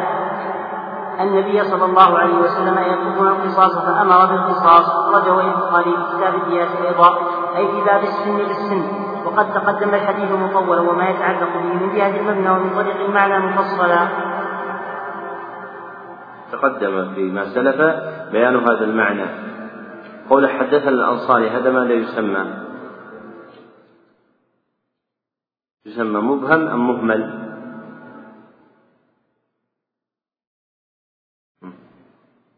مبهم؟ لا مبهم لو قال رجل لكن قال الأنصاري مهمل يعني لم يعين. وعينته الروايات الأخرى بأنه محمد بن عبد الله بن المثنى البصري. والبخاري وغيره من كتب الحديث لها قواعد في الرواية. من أحكمها استطاع أن يعرف هؤلاء الرواة لأول وهلة لكن مما يوسف له أن هذه أن هذه القواعد لم يقيدها أحد وإنما توجد متفرقة. ولشيخنا الصومالي رحمه الله تعالى جزء لطيف اسمه القواعد المفيدة في معرفة رجال البخاري. ذكر طرفا من هذه الجمل. فمثلا إذا قال البخاري حدثنا الأنصاري فالمراد به محمد بن عبد الله الأنصاري. نعم. صلى الله عليه قال رحمه الله الحادي وعشرون. قال البخاري حدثنا أبو عاصم عن يزيد أي بن عبيد كما في أصل صحيح عن سلمة بن الأكوع قال بايعنا أي نحن النبي صلى الله عليه وسلم تحت الشجرة أي التي في الحديبية وتسمى البيعة بيعة عندكم الحادي وعشرون. الحادي وعشرون. بدون ال يصاب ال والحادي والعشرون. الله يرحم المشايخ. الألباني رحمه الله وأحمد شاكر وعبد السلام هارون كانوا يتعبون المطابع يكثرون التصحيح فلذلك نادر أن تجد أخطاء طباعية يعني في كتبهم. فدائما الإنسان إذا أراد ينشر كتاب ينبغي أن يعيد كثيرا حتى لا يقع في خطأ وينتصر الخطأ ثم يقرأه الناس على خلاف الصواب. نعم. صلى الله عليكم قال رحمه الله قال البخاري حدثنا أبو عاصم عن يزيد أي ابن أي ابن أبي عبيد. كما في أصل صحيح عن سلمة اي بن الأكوع قال بيانا أي نحن النبي صلى الله عليه وسلم تحت الشجرة أي التي في الحديبية وتسمى البيعه بيعه الرضوان من قوله تعالى لقد رضي الله عن المؤمنين الرضوان يعني كسر ولا بالضم؟ ها؟ ذكرنا لكم الصباح بالوجهين بالكسر والضم أما رضوان هذه متأخرة نعم لنزول قوله تعالى لقد رضي الله عن المؤمنين إذ يبايعونك تحت الشجرة في تلك القضية. فقال النبي صلى الله عليه وسلم لي أي بعد أي بعد ما بايعت أولا مع المؤمنين عامة ألا تبايع بتخفيف اللام على أن الهمزة في الاستفهام والاستعلان عن سبب امتناعه من البيعة الثانية خاصة. قلت يا رسول الله قد بايعت في الأول بفتح الهمزة وتشكيل الواو أي في الزمن الأول ولأبي ذر عن في الأولى؟ بضم الهمزة وفتح اللام أي بالمبايعة أو البيعة أو الساعة أو الطائفة الأولى. قال أي النبي عليه السلام وفي الثانية أي وفي الزمن الثاني بايع أيضا. وفي رواية قال وفي الثانية وتقدم وجهها. وقد سبق الحديث مطولا وشرحناه مفصلا. ولعل إعادته هنا لاختلاف رجاله واختصار مقاله. أخرجه البخاري في كتاب الأحكام. أي في باب من بايع مرتين. نعم. تقدم بيان معنى هذا الحديث. نعم. صلى الله عليه قال رحمه الله ثاني والعشرون قال البخاري حدثنا خلاد بفتح المعجمة وتشديد اللام. ابن يحيى أي ابن صفوان السلمي بضم السين وفتح اللام نسبة إلى قبيلة بني سليم. أبو محمد الكوفي نزيل مكة. صدوق إلا أنه روي بالإرجاء وهو من كبار شيوخ البخاري. سمع التنزيل وغيره. روى عنه البخاري في مواضع من صحيحه وروى له أبو داود والترمذي مات بمكة قريبا من سنة ثلاث عشر ومائتين. كان قال حدثنا عيسى بن طهمان بفتح مهملة وسكونها أبو بكر البصري نزيل الكوفة صدوق سمع أنس بن مالك وغيره وروى عنه ابن مبارك ونحوه. وروى عنه ابن المبارك ونحوه. قال عبد الله بن احمد بن حنبل عن أبيه شيخ ثقة وافرط به ابن حبان حيث نسبه إلى الكذب وهو من صغار التابعين. رواه البخاري في صحيحه والترمذي في شمائله والنسائي في سننه. ولم ولم يعلم تاريخ موته. قال سمعت أنس بن مالك يقول نزلت وفي نسخة نزلت وفي نسخة أنزلت آية الحجاب. ذكر المصنف رحمه الله تعالى في الجملة السابقة تراجم راويين من رواة الثلاثيات لم يتقدم لهم ذكر لم يتقدم لهما ذكر وهما خلاد ابن يحيى عن شيخ عيسى بن طهمان عن أنس بن مالك فإن هذا السند لم يتقدم فيما قبل. وكان مما ذكره ما قاله في ترجمة عيسى وأفرط فيه ابن حبان حيث نسبه إلى الكذب يعني أن ابن حبان اشتد في جرحه فنسبه إلى الكذب وكان لسان ابن حبان في الجرح رهق كما ذكر ابن حجر في مقدمة فتح الباري فابن حبان شديد في الجرح. وقد دافع ابن حجر عن عيسى بن طهمان في الفصل الذي عقده لبيان حال الرواة المتكلم فيهم في البخاري بأن البلية والآفة من غير عيسى بن طهمان وحملها ابن حبان عيسى بن طهمان ثم حمل عليه. والصواب أنه من أهل الصدق والثقة. نعم. أحسن الله إليكم. قال نزلت وفي نسخة أنزلت آية الحجاب آية الحجاب. وهذا الفصل من فتح من هدي الساري من أحسن الفصول التي فيها قواعد للجرح والتعديل. ففيها قواعد كثيرة للجرح والتعديل في استعمالها. وفي بعض تلك القواعد مناقشة لكن يأتيك بعض الرواة ينفرد محمد بن سعد كاتب الواقدي ينفرد بالكلام فيهم فيكون الجمهور قد وثقهم ثم يتكلم فيهم محمد بن سعد. فالحافظ رحمه الله ذكر قاعدة في هذا الفصل قال ومحمد بن سعد عامة مادته من الواقدي وهو متروك. وهم مثل هذه القاعدة نافعة فيما تفرد به ابن سعد عن جمهور النقاد. وجملة القواعد التي فيه مما ينفع. وهذا الكتاب مع ميزان الاعتدال وهذا الفصل مع ميزان الاعتدال من أحسن الكتب التي تتضمن قواعد في الجرح والتعديل فمن أراد أن يتمهر في هذا الفن بتطبيقه فلا بد أن يقرأ هذا الفصل مرات وكذلك يقرأ ميزان الاعتدال أكثر من مرة. نعم. أحسن الله إليكم. أي آية احتجاب النساء عن الرجال؟ ويقول تعالى يا أيها الذين آمنوا لا تدخلوا بيوت النبي. إلى أن قال وإذا سألتموهن متاعا فاسألوهن من وراء حجاب. الآية. وكانت النساء قبل نزول هذه الآية يبرزن للرجال فلما نزلت أمرن بالتستر عنهم. كذا قاله الشارع والظاهر أن العموم يستفاد من آية أخرى وهي قوله سبحانه يا أيها النبي قل لأزواجك وبناتك ونساء المؤمنين يدنين عليهن من جلابيبهن الآية. وأن هذه الآية مخصوصة بالأزواج الطاهرات. إذ كانت إذ كانت نزولها في زينب بنت جحش في أي في يوم زفاف النبي صلى الله عليه وسلم معه. وكان تزوجها في شهر ذي القعدة سنة خمس من الهجرة وأطعم عليها يومئذ كما في نسخة والمعنى أطعم الناس على وليمتها في ذلك اليوم. خبزا ولحما أي كثيرا والظاهر والظاهر أنه كان فريدا وكانت أي زينب تفخر بفتح الخاء أي تفتخر على نساء النبي صلى الله عليه وسلم. أي بما بينه أي بما بينه بقوله. وكانت تقول إن الله الجامع للحسنى من الأسماء. أنكحني وفي نسخة زيادة به أي زوجني نبيه عليه. التحية والثناء في السماء أي في عالم الكبرياء حيث أنزل فيها قوله زوجناكها ولا يبعد ولا يبعد أن يكون المعنى زوجناكها فيما بين أهل السماء وفيه زيادة التشريف إليها حيث اطلع الملأ الأعلى على تشريف سيد الأنبياء وسند الأصفياء وأقرب إلى ظاهر شريعته وباهر طريقته من اشتراط الشهود وعدم الاكتفاء بأن يقال وكفى بالله شهيدا أي من بين الشهداء. وفيها وفي القضية دلالة جلية على أن للسيد أن يزوج عبده أمته مع عدم اشتراط مع عدم اشتراط منهما الرضا. وإشارة خفية إلى وإشارة خفية أي إلى ما يوجب افتخاره عليه السلام في هذا المقام. فإنه لا يعرف مثله مثله بالنسبة إلى سائر رسله الكرام هذا وعند ابن سعد. عن أنس قالت زينب قالت زينب يا قالت زينب يا رسول الله لست كأحد لست كأحد من نسائك ليست منهن امرأة إلا زوجها أبوها أو أخوها أو أهلها ومن حديث أم سلمة قالت زينب ما أنا كأحد من نساء النبي صلى الله عليه وسلم. إنهن زوج زوجن بالمهور زوجهن الآباء وأنا زوجني الله وأنزل في الكتاب في قوله تعالى.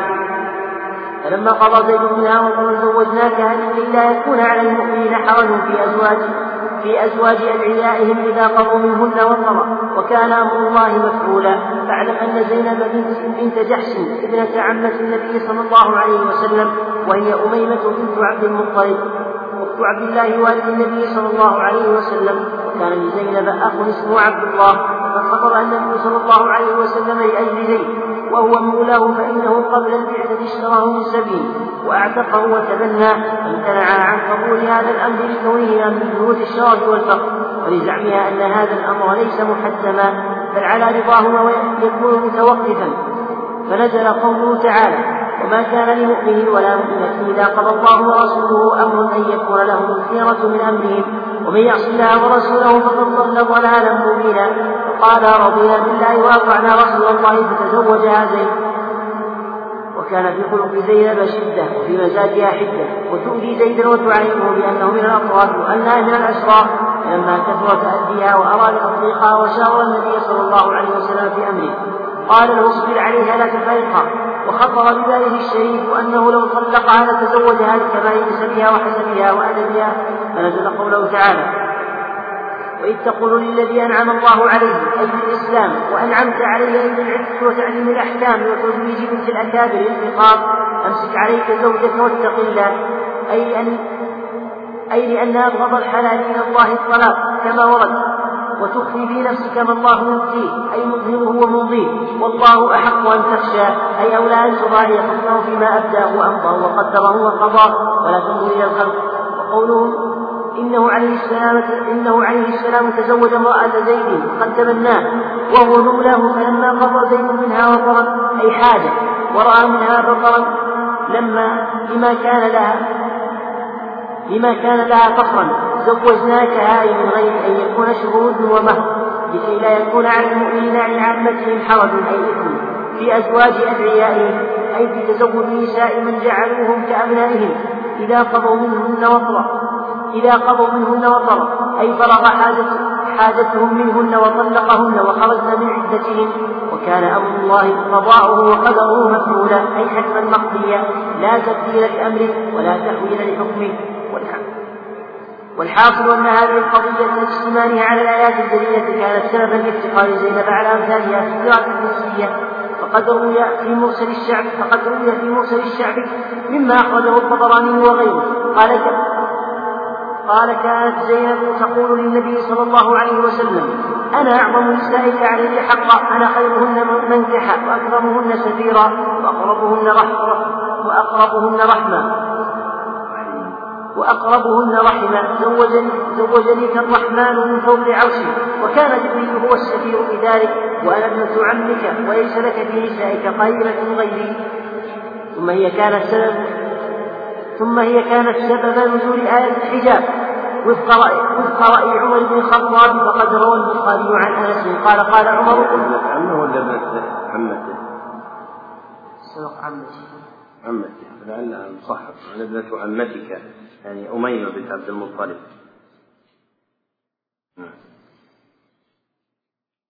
أحسن الله إليكم. ثم هي كانت سبب سبب ثم هي كانت سبب نزول آية الحجاب من قضاء عمر بن الخطاب. فقد روى البخاري عن أنس قال قال عمر قلت يا رسول الله يا رسول الله يسر عليك البر والفاجر فلو أمرت أمهات المؤمنين بالحجاب أنزل الله آية الحجاب وتوضيحهما والبخاري وأيضا عن أنس قال فأن النبي صلى الله عليه وسلم على زينب بنت جحش بخبز ولحم فأرسلت إلى الطعام فأرسلت إلى الطعام داعيا فيجيء قوم فيأكلون ويخرجون فدعوت حتى ما أجد أحدا أدعوه فقلت يا نبي الله ما أجد أحدا أدعوه فقال ارفعوا طعامكم وبقي ثلاثة رحت يتحدثون في البيت فخرج النبي صلى الله عليه وسلم وانطلق إلى حجرة عائشة قال السلام عليك السلام عليك يا أهل السلام عليك يا أهل البيت ورحمة الله. قالت وعليك السلام ورحمة الله. كيف وجدت أهلك؟ بارك الله لك. فتقرى بفتح استقر بفتح الفوقية والقاف وتشديد الراء مقصورا من غير همزة بصيغة الفعل الماضي. أي تتبع الحجرات واحدة واحدة.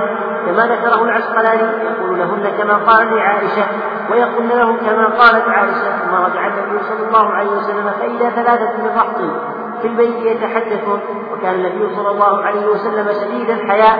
خرج منطلقا نحو حجرة عائشة فما أدري أخ فما أدري.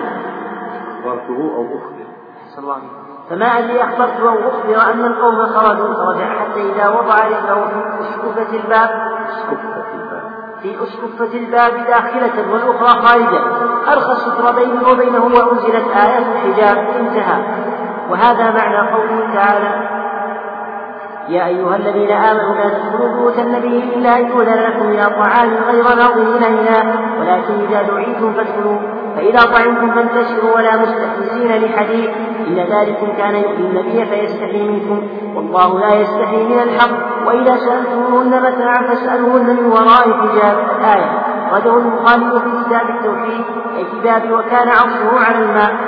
قال القسطلاني وفيه دليل على أن العرش والماء كانا مخلوقين قبل الأرض والسماء. قلت وفيه الإيماء إلى أن خلق العرش مؤخر عن خلق الماء في المدارك. أن الله خلق ياقوتة خضراء نظر إليها بالهيبة فصارت ماء. ثم خلق ريحا فأقر الماء على متنه. ثم وضع عرشه على الماء. قال وفي كون العرش فوق الماء تحته. تحته الهواء أعظم الاعتبار لأهل الأفكار. ثم المناسبة بين الكتاب وحديث الباب أن المراد بقولها إن الله أنكحني في السماء فوق عرشه الذي كان على الماء. وهو لا ينافي التوحيد الذي جاء به الأنبياء على وجه التنزيه من الأمكنة المشتملة على الأرض والسماء لأنها قصدت به بها علو الكبرياء كما قال كما قال كما قال الكرماني لما كانت جهة العلو أشرف من غيرها فيضاف إليه إشارة إلى الذات والصفات يعني لأنه منزه عن جميع الجهات ويستوي في علمه العلويات والسفليات كما قال تعالى وهو معكم أينما كنتم ومعراج يونس كان إلى بطن الحوت في الماء كما أن إسراء نبينا صلى الله عليه وسلم كان إلى السماء لأنه يقال كان في أزل الآزال ولم يكن معه شيء من الأشياء. قال العسقلاني وبنحو كلام الكناني وجاب وبنحو كلام الكناني وجاب غيره في الألفاظ الواردة في الفوقية ونحوها. يعني لا يحتاج في تأويله إلى معنى الاستواء لكن الصفات المتشابهات في الآيات والأحاديث الواردات كما نزلت في غير تصرف في المعنى المراد بها ويفوض أمرها إلى عالمها مع التنزيه عن ظاهرها الموجب للتشبيه بأمرها وهذا طريق الإمام الأعظم وجمهور السلف والخلف وهو أحكم وأسلم والله أعلم. نسأل الله سبحانه تحقيق التجريد والتأييد والتأييد في الحياة وتوفيق التوحيد عند الممات. والحمد لله الذي بنعمته تتم الصالحات. وأفضل الصلوات وأكمل التحيات على سيد الكائنات وسند الموجودات وسلام على المرسلين. الحمد لله رب العالمين. حرره مؤلفه في شهر القعدة الحرام. عام عشر بعد الألف في مكة المشرفة. تجاه الكعبة زادها الله شرفا وكرما ومهابة. ذكر المصنف رحمه الله تعالى في هذه الجملة البقية الباقية من إيضاح معاني الحديث الثاني والعشرين من الأحاديث الثلاثيات وهو الحديث الأخير منها. فكان مما ذكره رحمه الله تعالى من المعاني بعد ذكر آية الحجاب أن العموم فيها مستفاد من آية أخرى.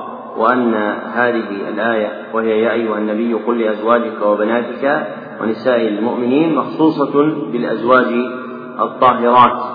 وفي ذلك نظر لأن العلة التي عللت بها علل بها الأمر هي قوله تعالى ذلكم أطهر لقلوبكم وقلوبهن. وهذه علة مطلوبة مع زوجات النبي صلى الله عليه وسلم ومع غيرهن. فمن يقول إن آيات الحجاب خاصة بأزواج النبي صلى الله عليه وسلم فقوله غلط من جهة المعنى. أما من جهة المبنى فإن الخطاب فيها, فيها مسوق إلى أزواج النبي صلى الله عليه وسلم. لكن تعليل العلة في الآية بطلب براءة القلوب للسائلين من وراء حجاب وللمسؤولات من النساء عام. بل هو في غير نساء النبي صلى الله عليه وسلم أحرى وأولى فبالعلة استفيد العموم لا من سياق اللفظ. ثم ذكر بعد ذلك ما وقع من افتخار زينب بنت جحش رضي الله عنها بأن النبي صلى الله عليه وسلم زوجها من في السماء كما قالت إن الله أنكحني في السماء. وأول المصنف رحمه الله تعالى في السماء إلى قوله في عالم الكبرياء. يعني في عالم العظمة والجلال وقوله في السماء تصريح في إثبات أن الله عز وجل في السماء. وفي صحيح مسلم في قصة الجارية أن النبي صلى الله عليه وسلم قال أين الله؟ فقالت في السماء. قال الذهبي ففيه فائدتان إحداهما جواز السؤال بأين الله؟ والثاني الجواب بأنه في السماء. هذا ظاهر في الدلالة على المقصود. فما تكلفه الشارع خلاف ما دلت عليه النصوص. ثم قال المصنف في الصفحة الثامنة والعشرين بعد الثلاثمائة وفي القضية دلالة دلالة جلية على أن للسيد أن يزوج عبده أمته مع عدم اشتراطه اشتراط منهما الرضا. يعني كما أن الله عز وجل تصرف في ملكه فزوج النبي صلى الله عليه وسلم من زينب فكذلك يكون الحكم لمن ملك أحدا من المماليك من الرجال والنساء. ثم ذكر رحمه الله تعالى آثار في ذلك. أسانيدها ضعيفة عند ابن سعد. عن أنس قالت زينب يا رسول الله إلى آخره وإسناده ضعيف وكذلك حديث أم حديث أم سلمة بعده فيه ضعف. ثم ذكر أن زينب بنت أن زينب بنت جحش هي ابنة عمة النبي صلى الله عليه وسلم. وذكر أن النبي صلى الله عليه وسلم خطبها لزيد مولاه. لأنه كان قد اشتراه قبل وأعتقه ثم تبناه. فلما سأل زينب أن تنكحه أبت ثم رضت بذلك رضيت بذلك إجابة لأمر النبي صلى الله عليه وسلم هي وأولياؤها. ثم ذكر ما كانت عليه حال زينب رضي الله عنها من الشدة وافتخارها على زيد رضي الله عنه. فبعد ذلك رغب زيد في طلاقها ووقع من الخبر في ذلك ما أخبر الله عنه في سورة الأحزاب بما هو ظاهر بنفسه دون حاجة إلى ما ذكره المصنف رحمه الله تعالى من زيادات مبنية على أحاديث ضعيفة أو وجوه لا تثبت كقوله رحمه الله تعالى قال له اصبر عليها لا تفارقها. فإنه بهذا اللفظ ضعيف لا يثبت. لكن الآية مغنية عنه. أمسك عليك زوجك. وقوله في تفسير قوله تعالى واتق الله أي لأن أبغض الحلال إلى الله الطلاق كما ورد. وهذا روي في حديث عند أبي داود وغيره وإسناده ضعيف. ومعاني الآية الآيات ظاهرة دون حاجة إلى هذه الروايات الضعيفة. ثم قال المصنف في الصفحة الثلاثين والحاصل أن هذه القضية باشتمالها على الآيات الجليلة كانت سببا لافتخار زينب على أمثالها في اشتراك الجنسية يعني فيما يشاركها من بنات جنسها من النساء فافتخرت بذلك. ثم ذكر مرسل الشعبي عند الطبراني وغيره ولا يصح أيضا. ثم ذكر أنها كانت هي سبب نزول آية الحجاب فإن عمر كان يدعو النبي صلى الله عليه وسلم إلى أن يحجب نساءه ووضح المصنف رحمه الله تعالى خبر ذلك من حديث أنس في الصحيح وأن الحجاب نزل ليلة البناء على زينب بنت جحش رضي الله عنها. لما تأخر من تأخر في بيت النبي صلى الله عليه وسلم فتأذى النبي صلى الله عليه وسلم منه ونزلت عليه تلك الآية.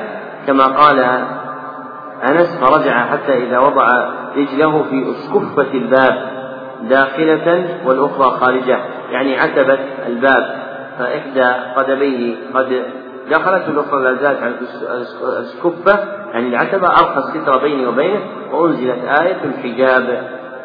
ثم ذكر المصنف أن هذا معنى قوله تعالى أن هذا معنى قوله تعالى يا أيها الذين آمنوا لا تدخلوا بيوت النبي إلا أن يؤذن لكم إلى طعام غير ناظرين إناه يعني غير منتظرين له ما لم تدعوا إليه. إلى تمام الآية. ومن لطائف تصرفات البخاري في صحيحه أنه ختم كتاب الأطعمة بباب في قوله تعالى فإذا طعمتم فانتشروا. كيف؟ يعني جعل آخر كتاب الأطعمة باب قوله تعالى فإذا طعمتم فانتشروا يعني أن هذا آخر الكتاب. فإذا فرغ الإنسان من الطعام ينتشر وكذلك هو الآن فرغ من كتاب الأطعمة فينتشر إلى غيره من الأبواب. ثم ذكر المصنف رحمه الله تعالى أن هذا الحديث أخرجه البخاري في كتاب التوحيد وفيه دليل على أن العرش والماء كان مخلوقين قبل الأرض والسماء وهذا حق. ثم قال وفيه الإيماء إلى أن خلق العرش مؤخر عن خلق الماء واستند في ذلك إلى ما جاء في المدارك وهو كتاب المدارك للنسب ولا يثبت ما ذكره. ثم ذكر المصنف رحمه الله تعالى أن المناسبة بين الكتاب وحديث الباب هو أن البخاري رحمه الله تعالى أراد تنزيه الرب سبحانه وتعالى فأدخل هذا الحديث في صحيحه وهذا الكلام الذي ذكره في هذه الجملة إلى آخر الكتاب مبني على نفي الاستواء المتعلق بالسماء وهو فوقية ربنا سبحانه وتعالى وعامة النفاة للعلو إنما يثبتون علو الصفات يعني العلو المتعلق بالشرف والمقام والجلال. أما علو الفوقية فإنهم لا يثبتونه ويؤولون الآيات والمعاني الواردة الآيات والأحاديث. الواردة في ذلك على غير معانيها المتبادرة بها. وعلو الله سبحانه وتعالى دلائله كثيرة مستفيضة من القرآن والسنة والآثار والإجماع والعقل والفطرة. فلا ريب أنه هو الصواب ومن محقق الأشعرية في زماننا من صنف مجلدا كبيرا زيف فيه أدلة الأشعرية في نفي علو الفوقية وذكر أن الصحيح هو مذهب السلف وهو أن الله سبحانه وتعالى في السماء وهو أحد علماء تركيا من حذاق علم الكلام لكنه له تأليف في عدة مسائل في أبواب التوحيد وافق بها السلف بظهور الأدلة عنده في ذلك ومن جملتها هذا الكتاب في أن الله عز وجل في السماء فوقية سبحانه وتعالى. وبهذا نفرغ من التعليق على هذا الكتاب وهو أحد شروح الثلاثيات الواسعة وأحاديث الثلاثيات كما سبق أنها من أحسن ما يستفتح به في تفهم الحديث المسند فيستحسن أن يراجع الإنسان شروحا أخرى لتكمل تكمل فائدتها وقد تقدم في إحدى السنوات في برنامج الدرس الواحد أن شرحنا إيش؟ إيش؟ نظم الثلاثيات البرماوي. فإن البرماوي نظم الثلاثيات وشرحها فأقرأناه في سنة متقدمة. وكذلك عبد الصبور ابن عبد التواب الملتاني رحمه الله المتوفي المتوفى عن ثماني عشرة سنة له كتاب اسمه إنعام الباري في شرح ثلاثة البخاري موجود ومتوفر فتحسن قراءته. الأسئلة الثلاثة كما هي العادة وهي التي اختصرتم عليها. هذا يقول الاختبارات هي التي تحفزنا على المذاكرة فماذا عن اختبارات التعليم المستمر؟ مستمرة بإذن الله عز وجل. مستمرة في مواقيتها إن شاء الله التي نتفق عليها يقول هذا السائل ما هي طريقتكم في جمع الفوائد؟ هذا الجواب عنه قوي لكن الذي أنصح به الإخوان أن لا يهملوا فائدة يجدونها ولا يرجي الإنسان ذلك إلى موعد آخر. يقول لعلي إن شاء الله أقرأ الكتاب مرة ثانية وأسجل الفائدة وأمر عليها. بل متى فتحت كتابا فوجدت فائدة لو كانت عرضا فسجلها. إما أن تسجلها على طرة الكتاب وإما أن تسجلها في بطاقة لكن لا تتركها أبدا. وكان من سبق إذا وجد فائدة دقيقة يكتبها على أي موضع لئلا تضيع تلك الفائدة فإنه بكتابتها يحفظها وإن لم يحفظها رسخ في ذهنه الموضع الذي يعني كتبه كتبه في فيه. وأذكر أن أحد المشايخ من النحاة من علماء أفريقيا سألته عن قول شراح الحديث قوله كذا وكذا قوله إنما الأعمال بالنيات ما إعرابه؟ وإعرابه مبتدأ لكن الإشكال أين الخبر؟ هذه مسألة ذكرناها لكم. ها؟ وأحلنا إلى أي كتاب؟ أحسن. ذكرها الباجوري في حاشيته على شرح الشنشوري على الرحبية. فهذه فائدة عزيزة ومن يحب العلم يحفظها بأول وهلة وأنا كنت سائل عنها فلما سمعتها حفظتها منه. فأمرني بكتابتها قال اكتبها على أي شيء. فإني أنا لما وجدتها يقول كتبتها فلا زالت باقية في ذهني وصدق الإنسان ينبغي أن يقيد الفوائد ولا تذهب منه. فإن هذه فائدة عزيزة ذكرها الباجوري في موضعين من الحاشية المذكورة. هذا يقول جاءت الحاشية من مخطوطة هداية الباري. على ثلاثيات البخاري للبيومي. الأخ كاتب هدايات الباري لكن أظن هداية الباري لعلي البيومي. من علماء القرن الثالث عشر. قال نظم السيوطي ذلك في بيتين وأربع تكرر النصب بها جاءت به النصوص والآثار بقبلة ومتعة وحمر كذا الوضوء مما مست النار. انتهى من قلائد الفوائد السيوطي. فما هذا الكتاب قلائد الفوائد؟ هذا الكتاب قلائد الفوائد كتاب للسيوطي جمع فيه جملا من المنظومات التي نظمها إما بيت أو بيتين أو ثلاثة من الضوابط أو منظومة ذات أبيات متعددة وهذا الكتاب لم يذكره أحد من مترجمي السيوطي وله بحمد الله نسختان خطيتان وأحد الإخوان مشتغل بتحقيقه إن شاء الله تعالى لأنه مفيد إذ ذكر فيه جملة من الضوابط العلمية النافعة. وهذه هذا السؤال فوق الثلاثة المعتادة فنجيب عنه إن شاء الله تعالى في وقت آخر. وبهذا نكون بحمد الله. فرغنا من ما كنا أرجعناه من برنامج اليوم الواحد وأذكر بدرس الثلاثاء المزيد في التعليم المستمر مع بقاء درس الأربعاء وأن الخميس المقبل تتميم الدروس القائمة في المسجد النبوي بإذن الله تعالى والحمد لله رب العالمين وصلى الله وسلم على نبينا ورسوله محمد وآله وصحبه أجمعين.